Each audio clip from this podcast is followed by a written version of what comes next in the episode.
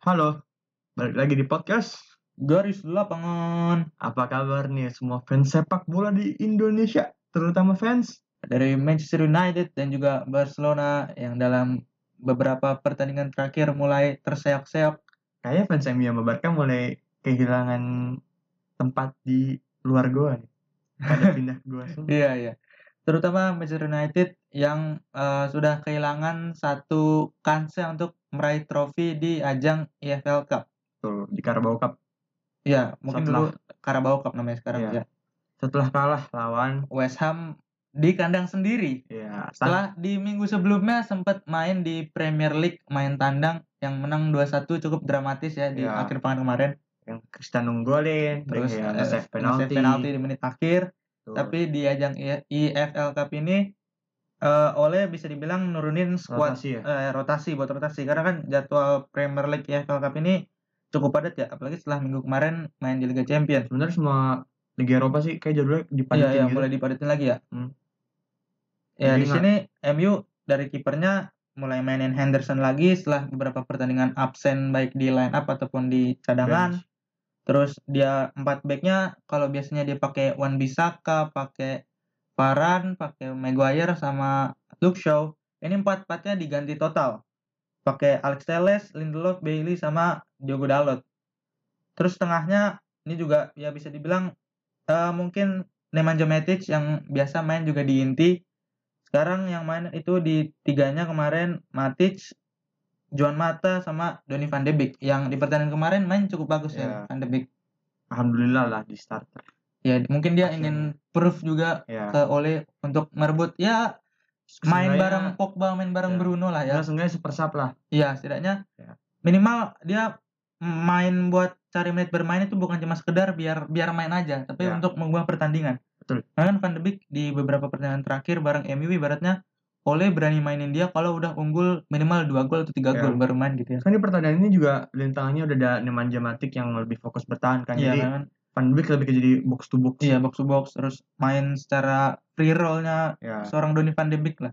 ya, kayak di Ajax Terus di depan ya juga rotasi yang mungkin biasanya ada Cristiano Ronaldo dan yang sekarang yang main di posisi strikernya ada seorang Anthony Martial Thierry Henry wannabe yang kemarin dibully habis-habisan gara-gara kekalahan ini karena ya bisa dilihat kemarin berapa banyak peluang yang udah dia buang. Terus di sektor sayapnya mainin Lingard yang kemarin se- pertandingan sebelum yang ngegolin lawan West Ham sama di kirinya mainin seorang Jadon Sancho. tapi inget banget sih waktu dulu Martial pertama kali datang ke MU Itu dipuji-puji dipuji banget. Apalagi kan dia datang waktu di deadline deadline day. ya di terus kan akhir-akhir menit eh, bursa transfer. gitu sih waktu gol debutnya komentatornya Iya, juga lawan heboh Liverpool. banget Anthony Martial, welcome to Premier League. terus sekarang malah jadi bahan bully kan kasian banget sih Berarti kan dulu waktu zamannya dia under Mourinho waktu sama Rashford pas lagi ya bisa dibilang bagus-bagusnya dia. Iya. Lingard juga bagus waktu itu di bawah Mourinho. sekarang ya down perform semoga bisa balik lagi lah ke performa utamanya lagi kayak kayak Lingard Dan ini MU kalah lawan mantan pelatihnya yang dulu dihina-hina. iya Ah, David, David Moyes Tapi secara keseluruhan bisa dibilang West Ham juga nggak main dengan squad terbaiknya mereka ya. Declan Rice aja nggak main sebagai Iya. starter.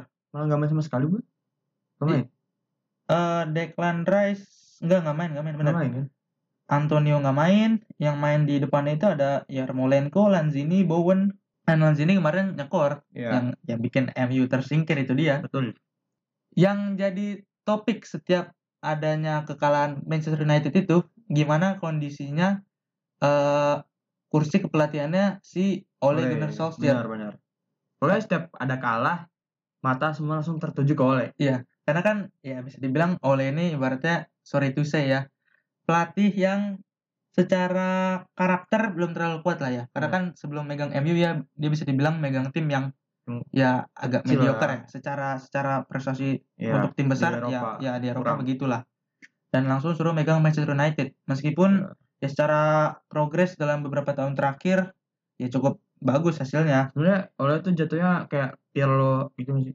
ya bisa jadi Pirlo kan mungkin. juga belum ada Ya. ini Pengalaman pengalaman tim besar. berpelatih kan ya walaupun ada juga orang-orang yang bilang kalau walaupun MU musim sebelumnya peringkat tiga terus musim kemarin peringkat dua ya ada juga yang bilang itu bukan progres karena ya hasilnya sama-sama aja. Tapi kita perlu dilihat juga kalau United under Ole ini bisa dibilang cukup berbeda dari United di bawahnya Mourinho, di bawahnya eh, Van Hal, di bawahnya Moyes sebelum-sebelumnya. Iya, iya. Kalau dilihat Ole ini tipikal yang bisa ngebuat suasana ruang ganti itu bisa lebih bahagia. Soalnya kan lebih ke family person gitu. Ya karena kan juga ya umurnya nggak terlalu jauh dari pemain-pemainnya dia kan. Tapi sama Cristiano kan juga pernah satu Iya. tim Satu kan. tim main bareng. Iya. Lagi kan pas kemarin si Varane debut waktu lawan Newcastle tuh kan Iya, dia juga dia sempet kayak nanya. akrab gitu kan. Iya. gimana eh, tensi di sini kecepatannya sama apa enggak waktu di Spanyol dulu terus si Ya, Varane bilang beda. beda, sambil beda bercanda banget. gitulah Iya, jadi karena kayak- bisa dibilang bisa dilihat juga oleh ini kayak bisa kayak merangkul pemain-pemainnya gitu Ya. gitulah jadi player moralnya juga jadi bahagia loh. iya kan kalau dalam sebuah tim itu bukan cuma sekedar pemain bagus taktik bagus hasil menang nggak cuma sekedar itu kan bisa dibilang ya Kan Ole ini bisa banget ngerangkul situasi di luar lapangannya kan. Kalau Kuman kayak beda banget gak sih? iya apalagi setelah statement dia yang kemarin ya Iya, yang dia bilang dalam posisi 8 pemainnya cedera sehingga dia bisa main Iya. dengan dengan cara aneh itu bisa dibilang sebuah statement yang sangat salah untuk seorang pelatih ya iya kayak Kuman tuh baik banget alasannya. Kan dulu bilangnya kan yang du- dulu terkenal baik alasan tuh Jurgen Klopp kan. hmm, sebenarnya ini Kuman ini malah lebih banyak alasannya bisa dilihat dari belakangan ini Barca tiga pertandingan udah nggak pernah menang kan pertama-tama kalah sama Munchen 3-0 terus kemarin seri lawan Granada sama itu bahkan di pertandingan lawan Granada dia mainin Araujo sama Pique jadi striker kan itu Iya. sebuah bisa dibilang game plan juga bukan game plan ya karena Iya. ya sepatutnya Pique ya seorang pemain bertahan ya tapi walaupun Pique sama Araujo bagus buat sembilannya tapi kan tetap aja lah ya kayak kurang gak sih ya kan dia udah dikasih Braithwaite ada walaupun ya Cedera. cedera sih cedera cedera cedera, yang kemarin. ya. cedera. yang main berarti kemarin si Luke De Luke Jong De Jong Luke De Jong bener-bener masih belum masuk banget sih sama Barca. Kan dibilang waktu itu pernah ada yang ngomong tuh orang Luke De Jong kalau misalnya di duel udara bakal lebih berbahaya daripada Neymar. ya Tapi- Neymar kan tipe pemainnya emang bukan yang tipe nyundul ya bisa dibilang Enggak, begitu tapi waktu lawan Granada tuh orang ya depan gawang kosong nyundul ke atas bola. Gimana ceritanya lebih bahaya dari Neymar? Nyundul kosong kagak bisa. Apalagi duel sama Van Dijk sama siapa back Madrid sekarang? Alaba. mungkin kalau dilihat-lihat situasi Barca yang sekarang ini mirip-mirip sama situasi Madrid pas 2018 lalu waktu habis ditinggal Ronaldo. Bener-bener. Tapi soalnya waktu itu Madrid masih dinakodai sama pelatih bagus kan. Iya, Zidane bisa dibilang pelatih bagus atau enggak nih waktu itu? Bagus Iya sih. Walaupun habis hat trick Liga Champion ya. Iya sih. Mungkin awal-awalnya emang masih menyesuaikan diri lah ya. Orang ditinggalin sama Ronaldo yang biasa jadi bintang utama skemanya kan. Nah, Karena itulah masa transisi itu masa yang paling sulit lah bagi sebuah klub sepak Ya, Ibarat bola. kata tuh masa transisi tuh masa di mana fans-fans tuh yang asli sama yang Dituntut karbit untuk sabar. enggak bisa kelihatan. Hmm. sama yang karbit bakal kepisah tuh. Mungkin masa transisi yang paling kelihatan di sepak bola itu MU setelah Alex Ferguson pensiun, Milan, AC Milan sampai sekarang. Oh ya, AC Milan sampai sekarang mungkin ya masa transisi juga ya. Iya. Terus Ronaldo ditinggal, eh Real Madrid ditinggal Ronaldo. Ya, sama sekarang Oh. Sama Barca. sekarang Barcelona ditinggal Ya. Messi setelah 17 tahun lebih di Barca. Betul. Ya benar-benar fans-fans Barca, fans Milan semuanya harus kuat, harus tetap mendukung tim yang kalian dukung. Pokoknya selama masa transisi ini sebuah fans itu harus sabar lah. Kayak misal dulu MU setelah ditinggal Sir Alex Ferguson kan dua- eh, terus diganti sama Moyes 2014 sempat langsung terpuruk ke peringkat Iya. Langsung 7. Naik turun. Iya, terus setelah itu mulai ganti-ganti pelatih, Van Iya. Hal, Mourinho, Sampai sekarang oleh kan. iya. Tapi mungkin semiskin-miskinnya taktik dari Kuman nih. Tapi ada satu hal positif nih dari Barca kepemimpinan Kuman sekarang. Bagaimana seorang Kuman mempercayakan pemain Iya, muda? iya. Sampai sampai sampai tadi kan waktu lawan tadi pagi tuh lawan apa? Barca lawan Cadiz. Lawan Cadiz ya. Gavi mungkin beberapa orang malah nggak tahu Gavi siapa kan. Hmm, pemain iya, iya. umur 17 tahun udah jadi starter. Karena Gavi itu di pertandingan sebelumnya waktu lawan Granada nyetak asis ke Araujo, mainnya juga bagus. Dia tuh badannya kecil tapi semangat gitu loh. Mirip-mirip Pedri mainnya. Tapi fisiknya lebih kuat sih kayaknya. Tapi sayangnya Pedri lagi cedera juga kan. Jadi Barca bener-bener dalam kondisi terpuruk lah, udah lagi nggak pernah menang. Pemain banyak yang nggak ada. De Jong kartu merah, Kuman kartu merah juga tadi. Dan Koeman juga kelihatan banget berusaha gimana mengombinasikan pemain senior yang berpengalaman kayak Buske, Buske, Pique, Ter Stegen, Depay yang udah malang melintang di sepak bola Eropa sama Pemain pemain-pemain muda yang yang udah dipercaya sama dia gitu. ya kayak Yusuf Demir, Pedri, sekarang Ansu Fati juga Ansu walaupun dia Fati. udah cukup naik ya. lagi cedera kan ya Iya, sekarang. walaupun masih cedera. Des, Des juga Hmm. masih muda loh. Iya, iya. Orang Amerika kan dia kan? Araujo juga masih muda. Hmm. Tapi pemain-pemain berkat tuh lagi banyak yang cedera deh sekarang nggak tahu kenapa. Udah kagak bisa jaga kesehatan. Kalau ngeliat dari pertandingan lawan Chadis tadi pagi ya, itu eh, seberapa pengaruh kira-kira kartu merahnya Frankie De Jong? Berpengaruh banget. Soalnya selama Frankie main, Frankie tuh yang bener-bener nguasain lapangan tengah. Karena Frankie De Jong bisa dibilang kalau di bawah asuhannya Koeman ini, ya dia tuh nyawanya Barcelona Iya, sekarang, iya, iya. nyawanya tuh dia. Jadi nyawanya tuh dia sama Busquets berdua.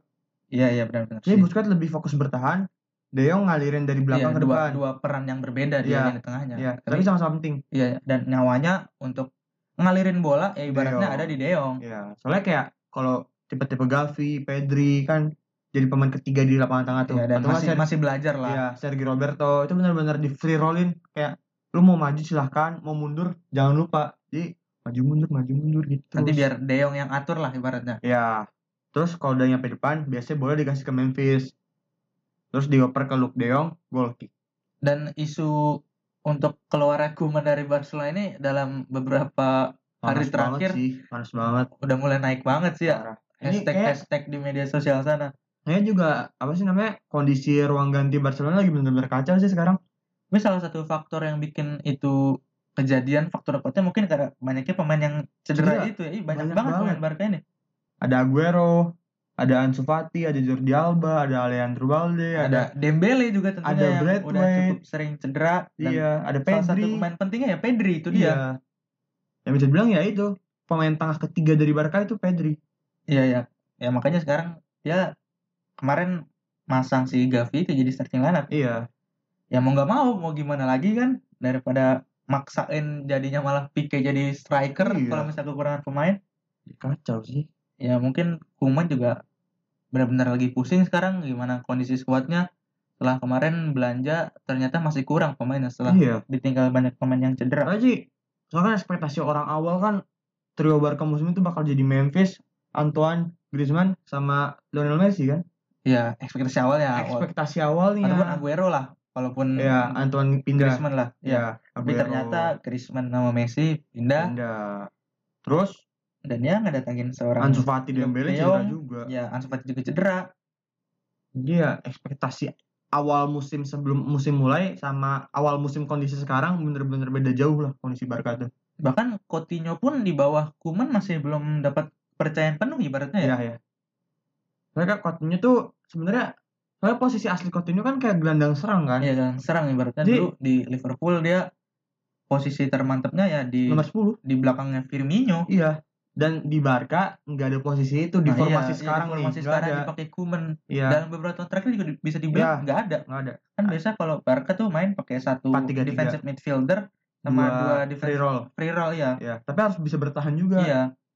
Nah sementara Coutinho bertahannya rada kurang. Iya. dan kalau jadi winger dia nggak bisa Iya, yang dibilang kayak Iya. lari-larinya nggak terlalu lah. yang nyari ruang ke belakang pertahanan tuh rada-rada kurang dia Iya, iya. lebih ke harus bawa bola di kaki Iya, bawa bola di kaki terus Iya, ngelihat teman-temannya di iya. sekitarnya itu kayak gimana. bener-bener nomor 10 banget lah dribble bagus sih tapi nggak bisa kayak get in behind bagus banget gitu kayak susah dan di Barca yang sekarang ya bisa dibilang yang ngatur itu ya seorang De Yong, Jong. ya bener Dan apalagi kan sama Kuman sama-sama orang Belanda kan.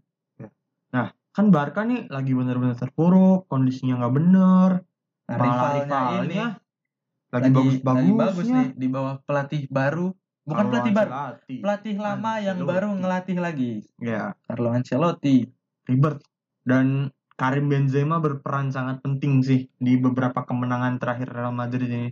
Benzema nih entah kenapa ya makin tua makin jago aja. Iya.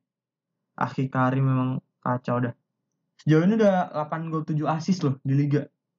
Untuk seorang striker nomor 9, Iya. posisi bernomor 9. Hmm. Tapi kayaknya kalau Benzema sekarang lebih ke fast line gak sih kalau dimainin? Dia lebih sering bawa bola juga tuh. Ke Mungkin depan. mungkin Ancelotti ngelihat gimana kalau Benzema itu bukan sekedar striker yang bisa Ya. positioning ya. bukan tipe-tipe kayak Lukaku gitu bukan Iya, mungkin dia uh, Ancelotti ngelihat Benzema itu bisa ngebawa uh, pemain-pemain mudanya, pemain depannya kan yang main biasanya juga Vinicius. Vinicius, Vinicius atau Rodrigo atau iya Bale atau Hazard mungkin kan. Asensio juga Ya Asensio juga Benzema mungkin dilihat oleh Ancelotti bisa ngangkat lah Ya. moralnya terus gimana ngarahin misal emang ke gitu aja Vinicius situ situ nanti dikasih bolanya begitu Vinicius kan. juga jadi bagus loh sekarang Iya iya. nyetak gol terus keren sih Benzema dan apalagi Shout out. pemain barunya Real Madrid kan sama Vinga sama-sama dari Prancis Ya, kan nah jadi itu dia ada sedikit chemistry lebih iya lah. chemistry lebih lah sama-sama Prancis kan Home pasti ground. ada koneksi tersendiri lah Iya. ada Ferland Mendy juga kan Hmm. ini menarik banget Marcelo sih kayak udah kurang Marcelo sekarang oh udah ya wala- jarang dapat menit iya dan cukup sering cedera juga udah semenjak Ronaldo pindah Marcelo sebenarnya mirip-mirip Real Madrid sama Barcelona ini ya eh, Iya. status pemain cederanya ya cukup banyak tapi bedanya dengan catatan Real Madrid itu bisa dibilang squadnya Lebih lebih dalam Iya. di tiap posisinya ya bahkan di cadangan masih ada Luka Jovic loh Iya, masih ada Luka Jovic. Pemain peraih Ballon d'Or baru tiga tahun lalu aja. Modric cadangan loh cadangan. Iya. Yang kemarin main itu si Kamavinga, Valverde Valverde sama Asensio yang kemarin nyetak hat-trick. Di cadangan nih, dia punya Casemiro, punya Eden Hazard, Toni Iya. Kroos punya Isco, Toni Kroos Toni Kroos cedera. tapi ada Toni Kroos Ya Toni Kroos ya, Wah, Toni Kroos belum main aja menangnya langsung ngebantai begitu ya. Gareth Bale pun lagi cedera Nih, daftar pemain yang cedera di Real Madrid sekarang ada Bale, Carvajal, Dani Ceballos, Toni Kroos, Marcelo, dan Ferland Mendy. itu Gila, itu pemain penting semua yang cedera. bukan penting sih mungkin pemain kelas semua Pemain loh kelas semua. Iya. Skemanya Ancelotti lah, mungkin bakal pakai dia kalau misalnya dalam kondisi fit. Iya. Tapi dengan squad yang bisa seadanya dibilang pun seadanya, bisa kehilangan membantai 6-1 loh 6 pemain, 6 pemain penting. Iya. Ibaratnya udah, udah setengah starting lineup enggak nih. sih enggak enggak enam cedera juga semua. sih. dua deh dua Ya mungkin Toni Kroos sama Carvajal ya. ya dan kadang-kadang Gareth Bale suka main Ferran di Mendy bawahnya juga Ferran Mendy di juga bawahnya sering main Ancelotti kan andalan mungkin ya. Mendy Iya. juga sering main Hmm, empat sih saya balas mungkin enggak ya tapi cukup penting lah ibaratnya ya bagus bagus bagus lah pemain Hmm. bagus walaupun kemarin musim musim lalu di Arsenal ngampas iya ya udahlah Arsenal kan emang lawak Arsenal ini juga keren sih setelah beberapa musim eh setelah beberapa musim setelah beberapa pertandingan Arsenal mengalami kekalahan berkali-kali kan habis itu akhirnya akhirnya nih sekarang Arsenal udah kembali ke form yang udah mulai kembali on track lah ibaratnya ya, terus- mulai membangkitkan semangat fans Arsenal lagi ya, mulai ada kehidupan fans Arsenal tuh lebih baik lah sekarang lebih bernapas lega keluar Iya. dari gol gitu ya setelah kalah berkali-kali lagi win streak sekarang Arsenal Iya. lawan siapa aja win streak itu kemarin eh, habis tiga kali kalah beruntun terus ya ketolong jadwal lawan keempatnya mereka lawan Norwich yang sama-sama ada di Ya, zona degradasi dari 2019 kan Ya, terus pertandingan berikutnya ya lawan yang secara kualitas ya mungkin Beda. bisa dibilang ya, cukup mudah juga buat Ya, Arsenal Burnley. menang juga lawan Burnley atau kosong juga meskipun ya di Premier League mereka menangnya baru tipis-tipis 1-0 Ya. 1-0 sisi golnya masih negatif loh Hah? sisi golnya Iya. Arsenal masih negatif ya tapi lumayan lah 6 Ya, poin mulai ya. merangsak naik pelan-pelan benar walaupun Dan- ntar jadwal susah kembali datang kembali turun lagi Tapi nggak apa-apa dan di EFL mereka menang lawan 3-0 Wimbledon Wimbledon Lacazette cetak gol ada juga Nketiah Smith Rowe betul nomor 10 dari Arsenal Wimbledon ini tim League One berarti kasta Tiga. ke ketiga dua apa tiga? Oh Tiga. tiga tiga ya, dua championship ya ya. betul ya berkata ya Arsenal dapat hoki lah di Hmm. drawing ini nggak kayak MU kan langsung ketemu West Ham dan West Ham setelah lolos lawan MU mereka langsung ketemu City, loh di ronde kedua itu dia Kok Oh, sampai West Ham menang sih? Keren banget. itu mantep banget sih Ya. Moyes Gua, dengan squad gua, gua bakal megang West Ham sih di League Cup kalau misalnya dia lolos lawan City. yang gak ada yang tahu Enggak, MU Iya, gua- aja bisa kesingkir iya begitu kan makanya. Kalau udah ngalahin dua tim Manchester tuh lu pasti udah on top of the world sih iya iya benar-benar. perasaannya. Apalagi kondisi sekarang tim dengan dua squad, Manchester dua itu squad itu udah mantap gila-gila banget, udah banget kebentuk kan. lah ibaratnya pemain intinya mereka tuh siapa aja kan Iya. kalau ngomongin yang on track kan ada juga Arsenal kemarin menang-menang lagi terus Juventus juga loh. Juventus Iya. juga setelah beberapa pertandingan nggak menang-menang Iya nggak pernah menang. Sampai pernah di bagian bawah. ya ya ibaratnya Begitu. mendekati zona degradasi lah. Iya. Akhirnya mereka dari Menang setelah menang lawan Mal- Malmo 3-0 sih di, di Liga UCL Champions tapi kalau di Serie A ya mereka baru menang sekali kali lawan itu pun Spezia menang bisa dibilang ya Butuh menang perjuangan ya, lebih butuh loh. perjuangan lah 3-2. menang 3-2 menang tipis Iya. Pencetak golnya ada Delit, Dan Moiskin sama Federico Chiesa Chiesa. Menarik banget sih Chiesa ini. Keren. Chiesa ini mungkin dia ketutupan pemain mudanya Inggris sekelas Foden ataupun Mason Mount Iya. Mungkin kalau misalnya dibandingin sama Mason Mount ataupun Foden, Chiesa lebih bagus sih aslinya ya. ini mungkin unpopular opinion ya tanpa bola. Mungkin sebenarnya semua fans bola di luar Inggris ngakuin fakta. tapi karena kita tahu sendiri Phil Foden dan Mason Mount itu adalah orang Inggris Dan didewa-dewakan oleh Dengan media-media media, yang Inggris. sebegitu masifnya memberitakan mereka Ya, apalagi setelah jadi, musim kemarin dua-duanya masuk final ke Champion Ya. dan bawa Inggris Masuk masuk, final ke final Euro. Euro. sebenarnya nggak nggak ngebawa juga sih Foden kan jarang Iya, main. iya. Tapi ya itulah apa sih privilege jadi orang Inggris pemuda pesepak bola yang seenggaknya decent lah. Bakal dinaikin banget. Juventus Terus mungkin juga Kiesa nggak terlalu dinaikin gara-gara Juventus lagi turun, ya bisa jadi iya kan? dan Juventus bisa dibilang kalau mau eh, terus bersaing di papan atas Serie A atau mungkin eh, tetap memperebutkan Scudetto Harus. kalau sekarang ketinggalan poinnya cukup jauh sih Iya. sama Napoli yang di puncak aja udah 10 poin selisihnya. Napoli udah punya 15 poin dan selisih golnya Napoli ini 12 selisih golnya. Plus Itu- 12. Keren banget itu. Plus 12 tuh banyak loh untuk lima pertandingan. Eh berapa? 5 Lima pertandingan, ya. pertandingan awal kan? Iya. Dan Juventus dari 5 pertandingan baru dapat 5 poin dengan selisih gol minus 1. Minus loh Juventus. Sangat-sangat dalam kondisi yang kurang Kalau bagus. posisi 23, 2 Milan masih ketat, poin sama-sama 13 lah ya. Iya, sama-sama pernah seri sekali. Hmm. AC Milan kan seri lawan Juventus kemarin. Iya iya, seri Itu lawan sama. Juventus mereka satu sama. Betul. Ngelihat Allegri balik lagi ke Juventus, mungkin Belum Enggak. terlalu waktunya sih. Maksudnya belum belum sekarang terlalu belum in kelihatan sekarang. ya, ya. Apalagi dulu kan Kondisi waktu dulu. dia megang Juventus Masih ada kuatnya Pirlo, kan? masih ada Pirlo, Pirlo ada masih main. Marquisio, Iya. masih punya Tevez dulu Itu ya tuh di Juve. kondisi timnas Itali yang ada di Juve semua lah. Iya ya. Orang-orang timnas Itali tuh Mini mini timnas Iya, Italinya itu mini timnas Juve Itali, ya waktu Juve. itu. Jadi enak banget juga udah pada nyambung mainnya. Sekarang kan lagi kondisi bisa bilang post Ronaldo juga nggak terlalu ngefek sih. Karena kan ya belum terlalu berkesan lah Ronaldo di Iya. Juventus. Terus Allegri juga sebelumnya belum pernah megang Ronaldo iya, kan. iya. Jadi men- dia juga nggak kehilangan senjata utamanya. Jadi biasa aja sebenarnya. Di Tapi depan ya, Allegri make sih dibalas sama Moiskin. Iya. Dibanding si Morata. Nah, ini Betul. cukup unik juga ngelihat gimana Morata apakah bisa bertaji lagi di Juventus. Iya. Semoga, semoga sih bisa sih. Karena Apalagi bisa- gara-gara secara potensi dia ada Ada, gitu kan. ada. Iya. apalagi gara-gara Euro kemarin kan nama dia bakal turun banget Iya, ya gara-gara Euro Dan kemarin. gara Yuri kemarin ya bisa dibilang dia cukup cukup sulit lah. Iya. Sedang Gimana drop loh. konsisten buat ngegol itu Iya. sulit lah. Walaupun Banget, banget. secara strategi Spanyol di Euro kemarin udah oke nah. Bagus. banget kan Walaupun hasilnya nggak berharap lebih di Euro padahal Spanyol. dan bisa Masuk maju ke semifinal. semifinal itu secara tim ya. Tapi untuk Iya. performa Morata di Euro kemarin ya Kurang sih. so-so lah Banyak big chances miss. yang miss apalagi penalti dia juga sempat miss Iya. di pertandingan penting. Morata tuh kayak tipe-tipe pemain Suarez deh. Nggak bisa nyetak gol gampang. Iya, mungkin bisa jadi tipe Giroud juga kan. Iya.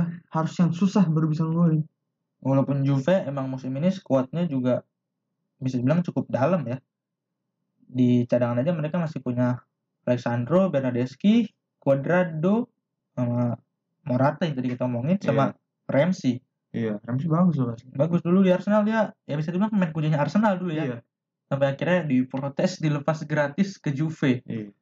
Tapi Juve tuh spesial ngambil-ngambilin pemain-pemain free transfer yang udah lumayan tua sih. Iya ya, Dan bagus padahal pemain-pemain itu masih ada kualitas lah buat setahun, dua tahun, tiga tahunan. nggak selalu tua tapi mungkin ada beberapa yang udah Iya. cukup matang, cukup Iya, matang. lah. matang-matang. Hmm. Udah banyak pengalaman deh. Dan di akhir pekan nanti ada big match. Betul. Antara Antara ada ini, finalis Liga Ya. Champions musim lalu. Liga Champions musim lalu di rematch Iya, City lawan Chelsea nih. Menurut lu siapa yang bakal menang?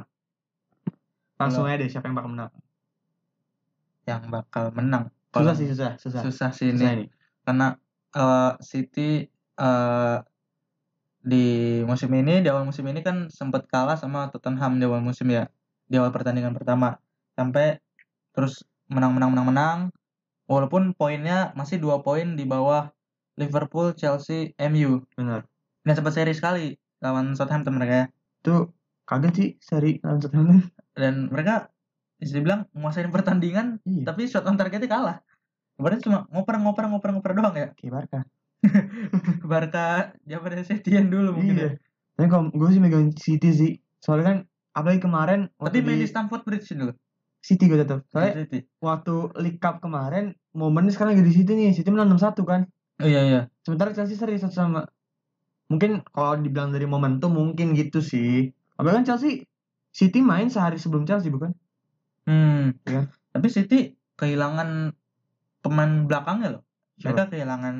eh, Laporte sama kehilangan Johnstone dan tentunya Mendy ya yang sempat kena kasus ah, kemarin itu Nah, beda lagi udah udah nah, itu udah urusan lain persisian. udah udah ya, udah udah, Ya. sulit kita bicarakan lah udah ranah sana udah prison back tengahnya berarti bakal ditempatin sama mungkin Fernandinho sama Ruben Dias ya Iya, mungkin Mungkin. Fernandinho Fernandinho yang dipasang taruh di jadi back tengah center back. ya di kiri mungkin ada Alexander Zinchenko Ya, Zinchenko. anak Kevin De Bruyne anak anak anak anakan. iya mirip banget sumpah nggak bohong gua Iya, kalau bisa dilihat trennya Chelsea sama City sama-sama beberapa bulan terakhir hijau-hijau sama-sama hijau-hijau gitu Menang menang menang menang menang semua. iya Ya, walaupun City sempat merah ada kuning pertandingan terakhir. merah dan di Premier League pertandingan sebelumnya seri lawan Southampton dengan statistik yang cukup gila. Ya, ngagetin sih ngagetin. Untuk Iya. tim sekelas City di apalagi lawan Southampton ya, Hmm. untuk dapetin statistik yang kurang memuaskan tuh kayak rada aneh. Seenggaknya kalau tim kalah, seenggaknya kalau Southampton seri gitu ya, pasti serinya tuh seri ugly gitu loh. Hmm. City bakal nguasain. tuh. Ini enggak. Dan mereka menang shot on target Southampton Iya, itu kan. bahkan menang Southampton target loh. Mungkin ya lebih ke ini kali ya, apa namanya counter-counter gitu kali. Ini kan Chelsea lawan eh Chelsea sama City dua-duanya udah udah pernah lawan Arsenal di Kenapa awal-awal Arsenal pertandingan dipatokan kemarin. sih? Ya kan setidaknya dua-duanya udah udah pernah main big match lah walaupun Big match. entah itu masih disebut big match apa enggak ya masih lah ya. Latihan. Arsenal masih dihitung big match big six lah ya hitungannya. Iya, mungkin mungkin. Ya bayangin aja Chelsea menang 2-0 kan di Emirates kan. Hmm, Sementara City ngebantai asik-asikan tuh Hmm. Iya. 5-0, Pak. Itu bukan big match. Southampton aja bisa nyerain City ini kok Arsenal bercanda banget. masih lah masa nggak kasihan big Iya. match lah Big match lah ya. big match. Ya, ya, big match. Oke, big match. Nah kan Tuchel udah lawan big six cukup kuat Tuchel ya. Iya. Lawan MU lawan Bisa bilang strategi jalan lah. Iya seringnya jalan.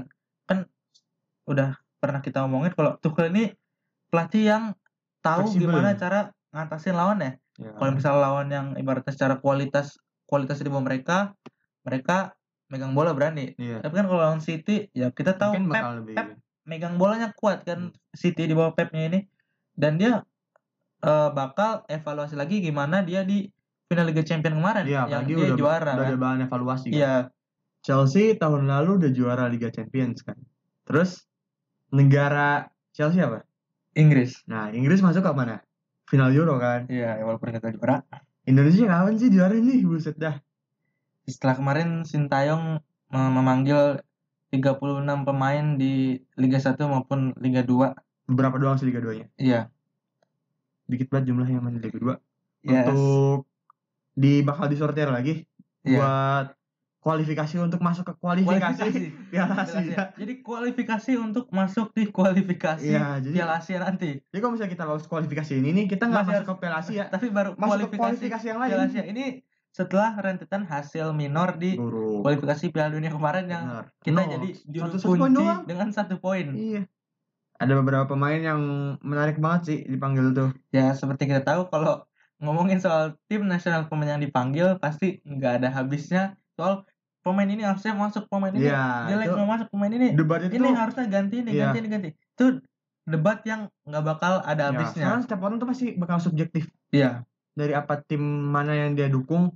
Soalnya kan orang itu pasti nonton cuma tim dia doang kan, Iya. nggak bakal nonton pertandingan tim-tim Hmm, lain. mungkin ya kayak gitu Jadi di mata dia pemain dia doang yang bagus. Jadi debat itu nggak bakal. Tapi kalau misalnya untuk satu pemain yang bener-bener diomongin dan mungkin semua fans setuju bahkan fans dari tim pemain itu bakal setuju kenapa dia dipanggil tuh Akil.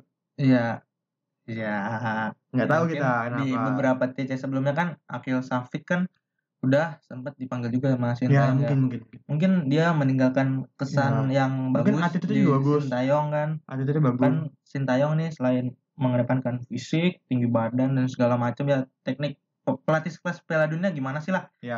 kita tahu lah. Shin Taeyong kan kelas Piala Dunia mungkin ya kesannya Shin Taeyong ke Akil mungkin baik bisa Ya, jadi salah satu yang Ya. berkesan. Jadi benar dia tertarik buat manggil Akil lagi Ya. walaupun ya jadi kiper keempatnya Persib ya ya bahkan di karena timnas juga mungkin, mungkin masih muda ya di timnas juga bakal jadi kiper keberapa ada Nadio ada juga Nadeo, dipanggil ada, ada, juga Riandi Riandi kan mungkin jadi kiper ketiga atau keempat mungkin dan nanti nih lawan Taipei itu tuh tanggal 8 9 9, 9 Oktober sama tanggal 12. 12, Oktober Jadi kualifikasi untuk masuk ke kualifikasi Piala Asia ini terdiri dari dua leg dan kemungkinan mainnya di Thailand rencana Iya, ya rencananya di netral. Thailand. netral. Mm-mm.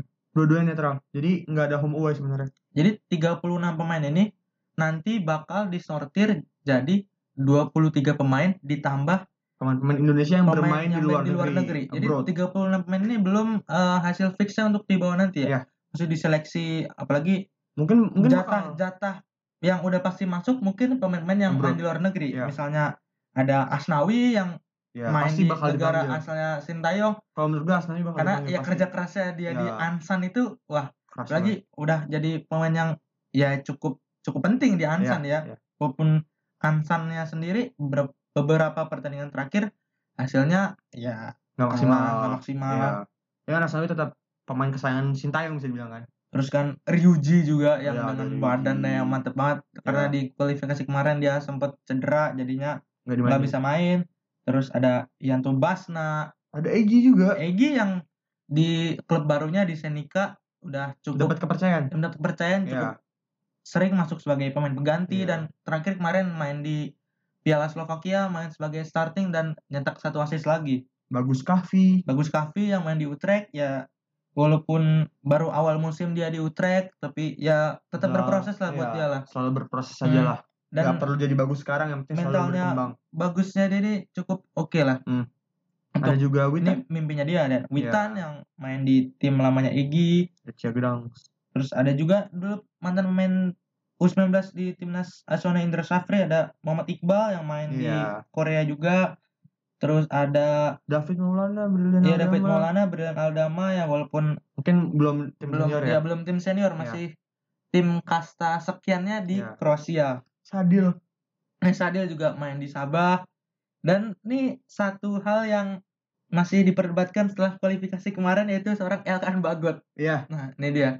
akan bagus nih kira-kira bakal tetap di Indonesia atau bakal milih Inggris. Karena kan alasan dia kemarin nggak ikut di kualifikasi itu karena aturan karantina eh, Inggris dari eh, Uni Emirat. Ya, itu alasannya ya. Alasannya Alasannya. alasannya dia entah Alasan bener terucapnya, ya, ya. tapi hanya dia yang tahu Ya, dan soalnya- mungkin federasi juga tahu ya. Kalau di aturan FIFA, kalau misalnya suatu pe- seorang pemain udah main di pertandingan resmi dengan tim senior suatu negara, Dan ini Elkan Bagot mungkin bakal aman nih kalau misalnya udah iya, main sebagai iya, Ma- nggak- punya menit bermain di tim senior ya. Indonesia. Walaupun satu menit doang, Hmm. kalau udah ada caps di timnas senior suatu negara di pertandingan resmi udah harus ke tim udah main di negara itu Iya. sampai kapanpun Ya bisa dibilang Elkan Bagot nih aset banget lah ya. Aset Iya, iya. bagus, barang bagus lah dia.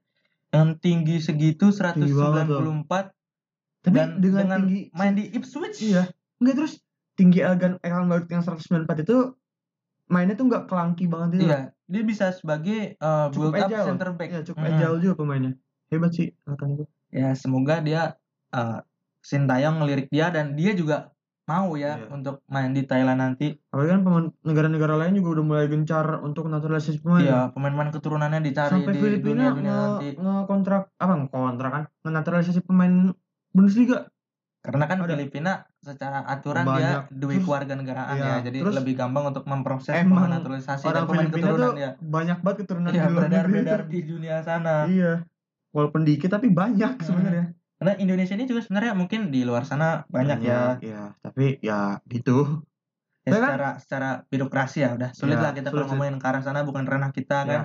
Indonesia juga kan untuk masalah visa di beberapa negara juga kan sulit Iya.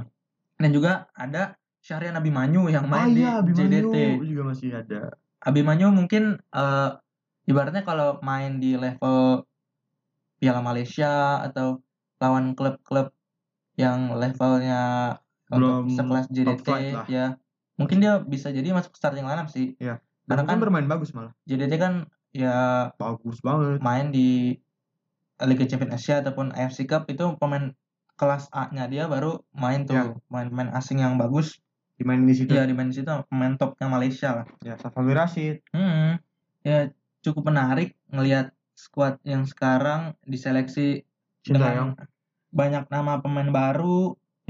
Banyak banget pemain-pemain yang mungkin bisa bilang nggak terlalu familiar di Iya. telinga pencinta timnas ya. Karena kan ini mungkin kombinasi dari pemain yang dipanggil TC Sintayong yang meninggalkan kesan bagus sama pemain yang di tiga Beberapa pertandingan pertandingan awal ini liga bagus. ini Ya. dilihat dipantau oleh Sintayong hasilnya Ya. bagus. Tapi gue lumayan suka sih sama teknik Sintayong ini buat ngemanggil pemain.